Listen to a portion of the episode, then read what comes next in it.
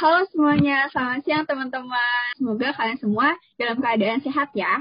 Oke, jadi uh, akhirnya banget nih episode ketiga podcast BM Psikologi hadir lagi setelah sekian lama, sekian abad kita nggak muncul-muncul, akhirnya ada lagi yang pastinya udah tunggu-tunggu banget nih sama teman-teman semuanya.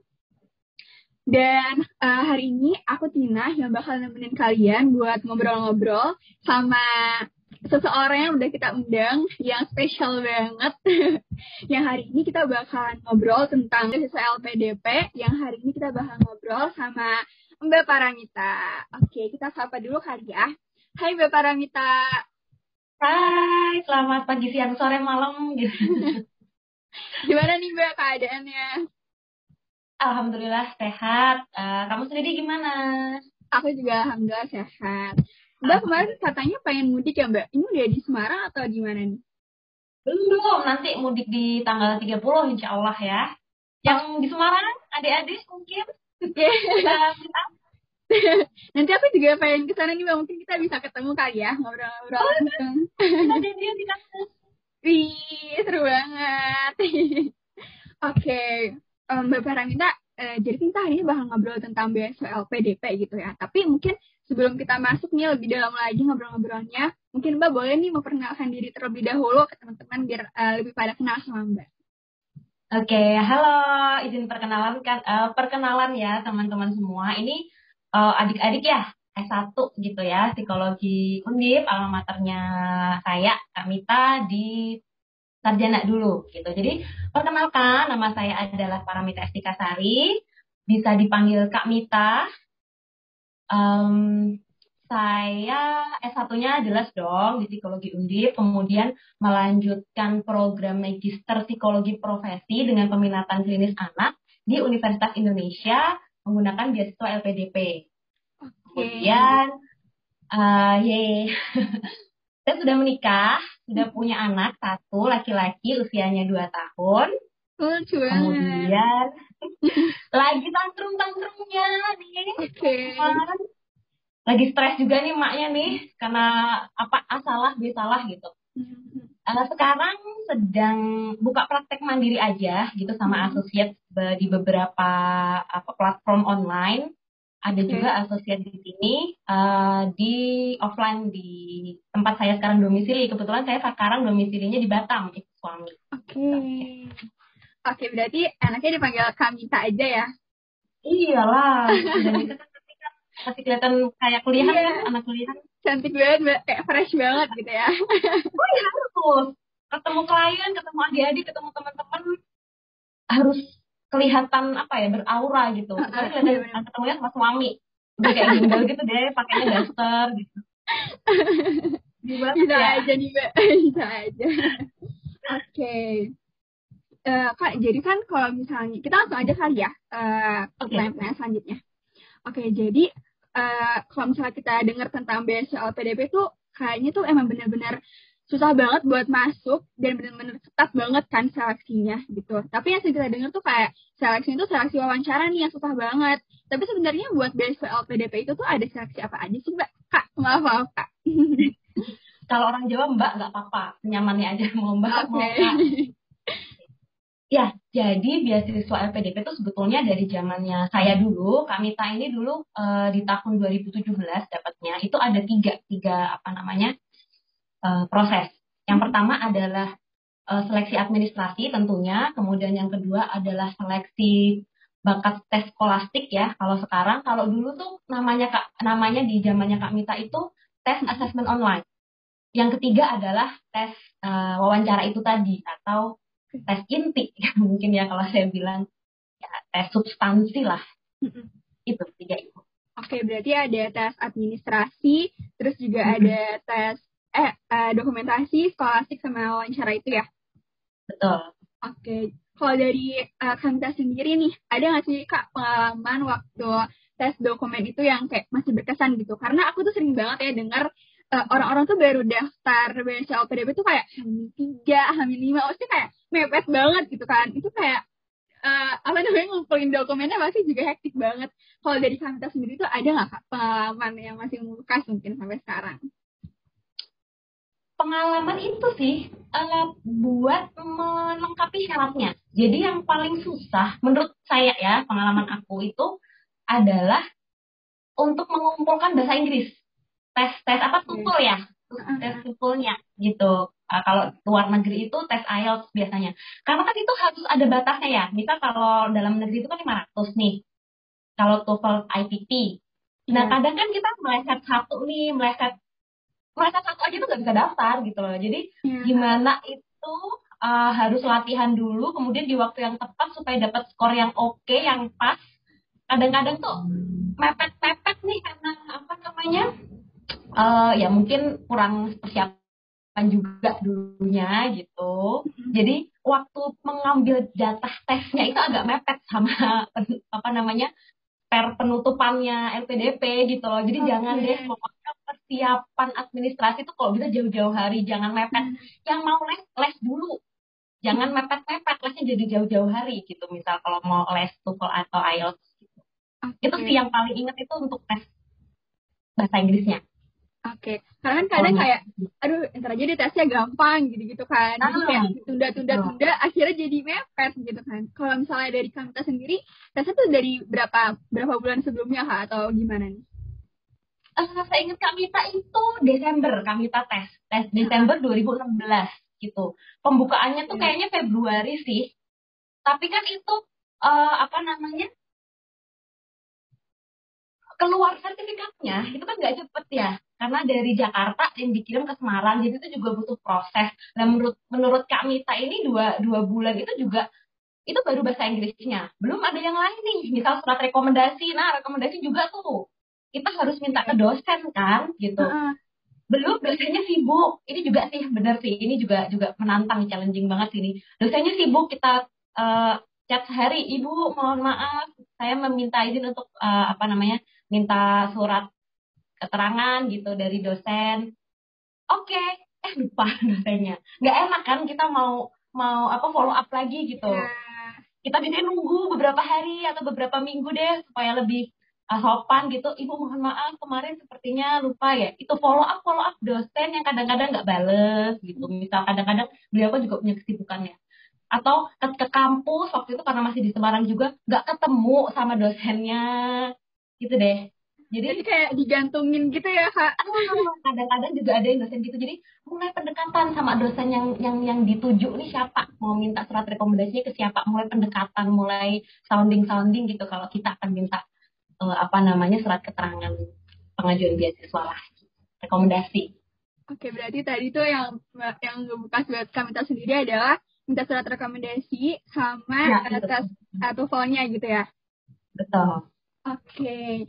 Nah selanjutnya nih kalau misalnya buat pengalaman tes skolastiknya sendiri nih Mbak, aku tuh pernah denger juga kalau misalnya tes skolastik ini tuh kita nggak perlu ikut kalau misalnya udah ada uh, surat ini. Iya, surat itu surat uh, letter hmm. of acceptance-nya itu ya Mbak. Emang benar ya Mbak? Letter of acceptance. Betul, betul. Jadi uh, ini juga perubahan dari tahun 2021 ke tahun 2022. Kalau teman-teman melihat di IG-nya, Instagram-nya LPDPRI itu ada perbedaan antara tahun 2021 dan 2022 itu apa aja uh, komponennya yang berbeda. Salah satunya adalah LOE ini. Jadi untuk di tahun ini, teman-teman yang sudah punya LOE, Letter of Acceptance, apa sih itu? surat tanda terima bahwa kita sudah diterima di suatu kampus, kita nggak perlu tes tahap 2. Langsung move ke tes substansi atau tes tahap 3. Itu yang menariknya di tahun ini. Kalau dulu enggak, mau sudah dapat LOE atau belum, kita akan mengikuti seluruh proses seleksi. Tahap 1, tahap 2, dan tahap 3. Oke, berarti sebenarnya lebih mudah ya Mbak uh, untuk tahun-tahun sekarang nih buat anak LPDP itu ya. Oke, menarik sih Mbak. Oke, untuk pengalaman seleksi wawancaranya sendiri nih yang mungkin kan ini susah banget ya pasti kayak banyak banget tips-tips juga dari orang-orang untuk wawancara ini gimana? Nah dari Bapak Ramta sendiri apa nih pengalaman yang kayak aduh ini benar-benar teringat banget yang sampai sekarang gitu? Hmm. banyak banget sih kayak di setiap proses itu pengalamannya nggak terlupakan. Tapi kalau untuk wawancara itu apa ya? Sampai nangis kali ya saking oh, iya? apa namanya oh sampai saking semangatnya gitu untuk menceritakan pengalaman gitu. Sampai saya nangis di depan wawancaranya gitu. Nggak nggak oh, iya? sadar nggak kerasa gitu sampai netes air matanya. Karena itu uh, pengalaman yang emosional sih waktu itu diceritakan pengalaman kegagalan atau ya atau kalau nggak salah ya. Mm-hmm. Saya ingat Kak Mita ya lupa beberapa tahun yang lalu tapi itu adalah pengalaman yang emosional sekali sehingga saat itu Kak Mita sampai nangis di depan uh, interviewernya gitu. Mm-hmm. Oh terus mereka kayak gimana kayak aduh atau mereka kayak ya mereka sudah berkompeten ya untuk mewawancarai. Jadi mungkin nggak sekali dua kali melihat uh, apa namanya interviewnya tuh menangis gitu. Jadi ya mereka tetap stay cool maksudnya uh, tetap uh, ya tanya aja. Kemudian lanjut oke okay, kamu merasa seperti itu. Kemudian melanjutkan pertanyaannya lagi. Oke okay, berarti emang uh, itu aduh nggak kebayang sih kita bisa bilang ya bahwa keberjalanan wawancara itu tergantung masing-masing individu mau membawa wawancaranya itu ke mana. Gitu. Maksudnya apa sih gitu? Jadi pertanyaan saya dan pertanyaan kamu mungkin akan sama, tapi di depannya, di awalnya. Tapi nanti keberjalanannya itu, ke belakangnya itu akan beda tergantung dari jawabannya kita, mengarahkannya ke mana. Misal kemudian kita bilang uh, bahasnya tentang apa ya waktu itu saya bahas tentang paskibraka gitu. Karena pengalaman ketika sudah lulus tuh apa? Pengalaman ketika SMA apa, jadi saya banyak me membahas mengenai pengalaman ketika saya di paskibraka sebagai pelatih sebagai anak paskibraka juga. Kemudian apa yang saat itu uh, saya dapatkan dari organisasi saya itu. Kemudian apa apa nilai-nilai atau sesuatu yang bisa kamu ambil setelah kamu menjalani hal itu dan lain sebagainya tapi mungkin ada teman-teman lainnya yang di uh, yang dibahas banyak itu mengenai uh, pandangan dia tentang suatu gender tertentu. Gitu misal kalau apa namanya ada orang ini tuh menurut kamu gimana? Atau agama tertentu. Nah karena itu beda-beda tergantung dari jawaban si uh, interviewnya nih mengarahkannya ke mana. Oke, okay, berarti kembali, kembali lagi sama individunya ya Mbak, pembawaannya nanti kayak gimana. Oke, okay, waduh, waduh, waduh. Keren banget Mbak. Oke, okay, selanjutnya nih. Nah, kan tadi kita udah ngomongin nih pengalaman-pengalaman Kak Mita nih. Uh, tes skolasiknya, tes substansinya, dan lain sebagainya. Nah, dari Kak Mita sendiri ada nggak sih tips and trick nih buat pendaftar uh, eh, LPDP nanti gimana? Uh, ini mungkin karena khusus untuk teman-teman S1 psikologi gitu ya. Uh, ya. Mungkin akan mengambilnya MAPRO atau MAPSI. MAPRO itu apa? MAPRO adalah Magister Psikologi Profesi yang itu nanti uh, outputnya adalah Magister plus Psikolog gitu. Kalau MAPSI adalah Magister uh, Psikologi yang outputnya adalah Saintis seperti itu. Nah, um, untuk teman-teman yang memang mau mengambil MAPRO, ini tantangannya banyak ya teman-teman. Jadi beberapa teman-teman yang sudah saya pun mengalami, teman-teman yang Eh, baru-baru uh, ini juga mengalami, kadangkala itu nggak ada pilihan mapronya di situ. Gitu. Sehingga kalian harus uh, mempersiapkan diri kalau misal nanti kalian harus pindah uh, program studi misal karena ada pilihannya cuma MAPSI gitu. Tapi katanya sih tahun ini ada ya pilihan MAPRO ya, semoga gitu. Semoga. Nah, uh, semoga ada pilihan MAPRO. Sehingga nanti kalau misalnya nggak ada pilihannya, hanya ada MAPSI, kalian siap-siap untuk perpindahan program studi dari MAPSI ke MAPRO. Itu boleh sih. Tapi nanti akan akan akan panjang, agak panjang waktunya. Mm-hmm. Nah, kemudian kalian juga harus mempersiapkan kapan itu harus sudah bayar kampus, kapan menyusun apa namanya uh, proses perpindahan dari MAPSI ke MAPRO itu kalian harus perhatikan betul-betul lah intinya di situ. Kemudian uh, untuk seleksinya sendiri adalah itu yang terkait MAPRO ya gitu. Untuk seleksinya sendiri yang pertama, persiapkan syarat administrasi jauh-jauh hari. Jangan terburu-buru. Ingat, uh, lolos sedikit aja itu kalian udah nggak bisa maju sampai tahap tiga. Kurang sedikit aja gitu kalian nggak bisa maju sampai tahap tiga. Jadi perhatikan betul-betul jangan jangan terburu-buru. Yang pertama untuk seleksi administrasi. Kemudian yang kedua untuk tes bakat skolastik itu hampir seperti TPA uh, eh, apa namanya? Ya belajar ya namanya ya namanya TPA kan tetap harus kalian harus latihan seperti itu. Perbanyakin perbanyak uh, perbanyak latihan Kemudian kalau untuk ala apa namanya pertanyaan-pertanyaan yang uh, berusaha untuk menarik kepribadian, ya just be yourself aja gitu, nggak usah dibuat-buat. Kemudian yang ketiga tahap wawancara, um, be genuine. Di psikologi kan ada ya, be genuine ya. Jadi jadilah diri kalian sendiri gitu. Apa kelebihan kalian? eh apa kekurangan kalian diisi dengan kelebihan itu gitu nggak usah bohong-bohong sama wawancara gitu kalau mau nangis nangislah tunjukkan apa perasaan kalian saat itu kemudian uh, terutama saat wawancara berbicaralah dengan pelan dan terstruktur karena cara kalian menyampaikan itu juga akan dilihat oleh pewawancara. Kalau kalian jelimet sendiri, bingung sendiri, nih sebenarnya anak ini mau ngomong apa sih, kayak gitu. Jadi uh, latihan untuk ngomong, latihan untuk menjelaskan dengan baik dan terstruktur. Oke, wah mantap banget nih Mbak.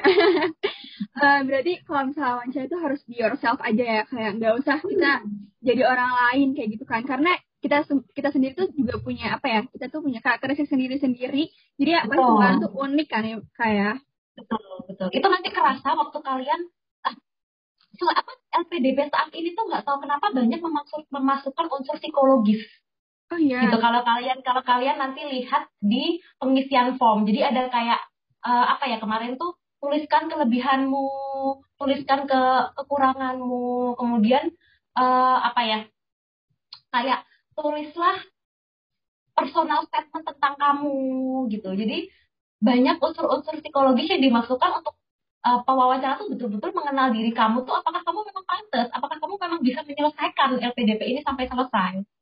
Yang itu nanti akan hampir mirip dengan seleksinya MAPRO, Magister Profesi kalau kamu jadi psikolog. Itu hampir 11-12 mirip dengan nanti kayak gitu. Jadi uh, kalau mau seleksi LPDP, insya Allah juga akan lebih mudah untuk seleksi makro ya karena kayaknya hampir mirip sih sekarang proses-prosesnya pertanyaan-pertanyaannya itu tuh hampir mirip kayak seleksi makro. Oke, berarti uh, and trick nih dari Kamta sendiri yang pertama itu kita harus siapin dokumen dari jauh-jauh hari biar nggak mepet nih ya kan. Yang kedua juga belajar yang tekun buat tes skolastiknya sendiri. Terus yang terakhir juga be yourself dan latihan buat wawancara. Kayak gitu ya kayak. Nah, yeah. Oke, okay. kalau menurut kamu sendiri, uh, ada nggak sih tes yang menurut kamu tuh paling berat gitu? Paling berat di antara tes-tes tadi? Tes yang paling berat ya tes ini kali ya. Sebenarnya nggak ada sih, kalau dibilang paling berat itu nggak ada.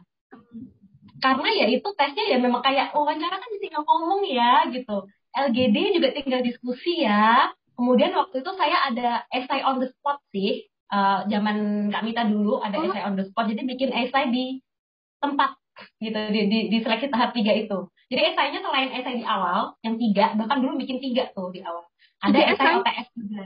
Hmm, jadi Berarti dia empat ada empat jadinya. Total empat essay selama seleksi gitu. Kalau sekarang kan enggak. Uh, yang sulit sih mungkin tahap tiga gitu. Karena banyak. Yang pertama itu kita tes uh, apa namanya pembuatan essay on the spot, kemudian kita move ke LGD, leaderless group discussion, baru ke wawancara. Jadi mungkin tahap tiga dulu zaman Kak Mita tuh susah. Kalau sekarang sih uh, nggak seperti itu ya, tapi hampir-hampir mirip. Tapi bisa dibilang memang tahap tiga ini sebetulnya nggak susah, tapi karena tahap penentuan, mungkin karena deg-degan, karena khawatir gitu ya. Ah, pressure-nya, karena khawatirnya, anxiety-nya. Jadi jadi terasa menakutkan dan susah gitu kan. Padahal tinggal dijalanin aja. Tapi memang secara umum sih teman-teman pada bilang ya tahap tiga itu karena tahap penentu. Mm-hmm. menurut saya ya tahap tiga. Oke berarti emang harus dibawa enjoy aja ya Kamita ya? Hmm, betul ya. banget oke okay. nanti kan ada waktu mau tes wawancara tuh kayak aduh aduh karena kan langsung bertetap-tetapan ya sama Iya. Sama jadinya langsung hati-hati kan. Iya, Oke. Nah, di tahap wawancara itu kan pasti kita ditanya ya kayak kayak kontribusi kamu nanti eh, sebagai lulusan ORD dari LPDP itu apa gitu. Nah, kalau misalnya dari Kamita sendiri nih eh, kontribusi yang Kamita kasih itu apa sebagai ya, lulusan LPDP gitu. Oke. Okay. Kalau uh, ini tuh biasanya memang akan ditanya karena kan di saat wawancara itu ditanya tuh dulu tuh kamu waktu kuliah ngapain, setelah kamu kuliah ngapain, kemudian nanti kalau waktu dapat LPDP kamu akan ngapain, gitu. Jadi memang itu kayaknya akan ditanya sih selama proses wawancara. Apa kontribusimu nanti setelah kamu selesai kuliah? Nah, ini kalau untuk seleksi, kalian memang harus merumuskan ya gitu. Apa-apa nanti yang pengen kalian lakukan dengan bidang keilmuan kalian. kalau sudah, ah, ini nanyanya Kak Mita sekarang nih, atau dulu nih waktu seleksi? Uh, waktu seleksi aja gitu. Waktu seleksi aja, oke. Okay. Jadi kalau dulu waktu seleksi Kak Mita itu, Kak Mita memang pengen buka praktik sendiri yang itu bisa mewadahi klien-klien yang dari kalangan kurang mampu gitu. Okay. Contoh terutama terkait dengan pengasuhan anak, parenting anak karena kan zaman zaman sekarang juga sih banyak orang orang tua yang kurang mampu gitu di bidang ekonomi. Kan pengan, praktik pengasuhannya itu kan membuat anak-anaknya itu kurang sejahtera. Sehingga banyak masalah psikologis. Gitu. Nah harapannya dengan uh, dengan bisa berpraktik uh, menjadi psikolog klinis anak tentunya karena peminatan Kak Mita Kak Mita bisa menyumbangkan ilmu pengetahuannya Kak Mita ini ke anak-anak dengan sasarannya kurang mampu Makanya sekarang sebetulnya kami tak ada program juga kalau misal mereka punya teman-teman punya uh, eh, SKTM gitu surat keterangan tidak mampu bisa konsultasi gratis sama Kak Mita. Sekarang okay. pun sudah sudah ya, sekarang pun Kak Mita sudah membuka itu gitu. Asalkan memang uh, punya SKTM. Mm-hmm. Karena kan praktiknya sementara kan masih pribadi nih gitu. Kalau di rumah sakit mungkin next kalau kami di rumah sakit kan bisa pakai BPJS ya. Gitu. Mm-hmm. Jadi memang alhamdulillah sih linear dari yang dulu Kak Mita pikirkan sampai sekarang masih linear. Ih, alhamdulillah keren banget. Berarti kalau misalnya ada uh, anak yang kurang mampu, uh, bisa konsultasi ke Kaminta gitu ya? Betul, silakan. Kalau oh, karena kalau jauh tidak di luar di luar Batam, maksudnya bisa online aja. Hmm. Tuh, asalkan ada ada bukti SKTM itu. Kalau yang di Batam, silahkan datang ke tempat praktik saya, kemudian uh, tunjukkan SKTM-nya. Ada. Waduh, mulia banget Kak Ita. Berarti itu dari kapan ya Kak buka konsultasi gratis seperti itu? Sebenarnya sudah hampir setahun terakhir sih ya. Uh-huh. Gitu. Cuma okay. mungkin apa ya, uh, kurang masif kali ya, saya masih taunya masih belum sih, belum ada yang me memanfaatkan itu gitu. Atau mungkin nanti kurang masif atau gimana, saya sudah beberapa sounding-sounding sih. Cuma hmm. memang belum ada. Oke, kita lanjut ke pertanyaan terakhir kali ya kak. Nah dari Kamita sendiri nih kesan dan pesan sebagai URD LPDP itu apa? Kesannya adalah sangat berterima kasih gitu ya, karena saya bisa menamatkan studi selama dua setengah tahun. Kalau makro ya, magister profesi itu dua setengah tahun. Ya mungkin ya meskipun agak terlambat karena pandemi ya, terlambat setengah uh, tahun, jadi saya tiga tahun waktu itu. Tapi itu betul-betul uh, di cover seluruhnya oleh LPDP sehingga saya bisa lulus uh, dengan predikat yang uh, sangat memuaskan gitu ya. Tanpa ada keterbatasan untuk apa ya membiayai atau fasilitas tertentu yang saya butuhkan seperti membeli buku dan membeli alat penunjang lainnya. Karena LPDP ini sangat betul-betul mendukung kita untuk sekolah semaksimal mungkin. Manfaatkan memanfaatkan apa yang dari LPDP berikan ke studi kita dan itu sangat berkesan dan sangat bermanfaat benar-benar untuk Kak Mita. Jadi uh, kesannya adalah luar biasa. Terima kasih kepada LPDP karena saya bisa sampai saat ini gitu karena LPDP. Kemudian pesannya adalah adik-adik, ayo manfaatkan gitu. LPDP akan membiayai kamu, membiayai studimu supaya kamu bisa bermanfaat untuk dirimu sendiri dan bermanfaat untuk orang lain. Manfaatkan itu. Sangat gak nyesal deh pokoknya usahakan maksimal mungkin. Ada tiga kali kesempatan, pakai tiga-tiganya. Jangan berhenti sebelum tiga kali, coba. karena kan uh, karena secara kita udah kayak uh, menyeramkan gitu ya tes LPDP ini jadi mungkin orang tuh pada yang kayak aduh ini kayak gak bakal masuk deh ini kayaknya gak bakal lolos deh banyak banget kan dari ribuan orang ya, cuma beberapa ratus doang yang keterima berarti emang kayak harus coba dulu aja kan kita ya Betul. Karena sebetulnya tuh LPDP itu tidak membuat kalian bersaing kok. Kalian tuh bersaing sama diri kalian sendiri gitu loh. Jadi maksudnya gimana? Kalau kalian bisa membuktikan bahwa kalian itu memang qualified, kalian memang uh, uh, pantas untuk mendapatkan LPDP, mau kalian 10 juta apa namanya pelamar gitu, kalau kalian memang pantas, ya kalian akan terpilih. Jadi tuh LPDP akan ngambil yang memang yang pantas. Kayaknya nggak kuota juga deh nggak ada kok kuota tertentu gitu yang yang membuat kita jadi ya nggak nggak keterima karena kuota tersebut. Nggak tahu kak Mita gitu ya. LPDB akan memilih kalau kalian memang pantas untuk dipilih terlepas dari kuotanya. Jadi buktikan bahwa kalian tuh pantas. Buktiin kalau misalnya kita pantas dan berkualitas ya kak Mita ya. Betul betul. Bertaruhlah okay. dengan diri kalian sendiri nggak perlu takut sama yang lain. Wow tentunya standar kita sendiri kan kita ya. Betul betul. Wow. Oke, okay. wah seru banget hari ini kita ngobrol-ngobrol tentang BSL PDP-nya dan ini benar-benar nambah insight baru ke aku juga yang pasti ke pendengar-pendengar podcast uh, Spotify BEM Psikologi juga. Uh, terima kasih banyak Kamita udah luangin waktunya nih buat kita semua. dan uh, mungkin ngobrol-ngobrol uh, kita uh, berhenti sampai sini, tapi semoga komunikasi kita terus berjalan ya kak ke depannya. Ya, pastilah. Oke, terima kasih banyak Kamita. Sama-sama. Oke, teman-teman, itu dia tadi uh, ngobrol-ngobrol kita sama Kamita. Semoga uh, banyak banget nih manfaat dan insight-insight baru yang bisa kita terima dari insight-info tadi. Dan uh, jangan lupa uh, gue tungguin episode di BM Psikologi, podcast BM Psikologi selanjutnya. Dan sampai jumpa.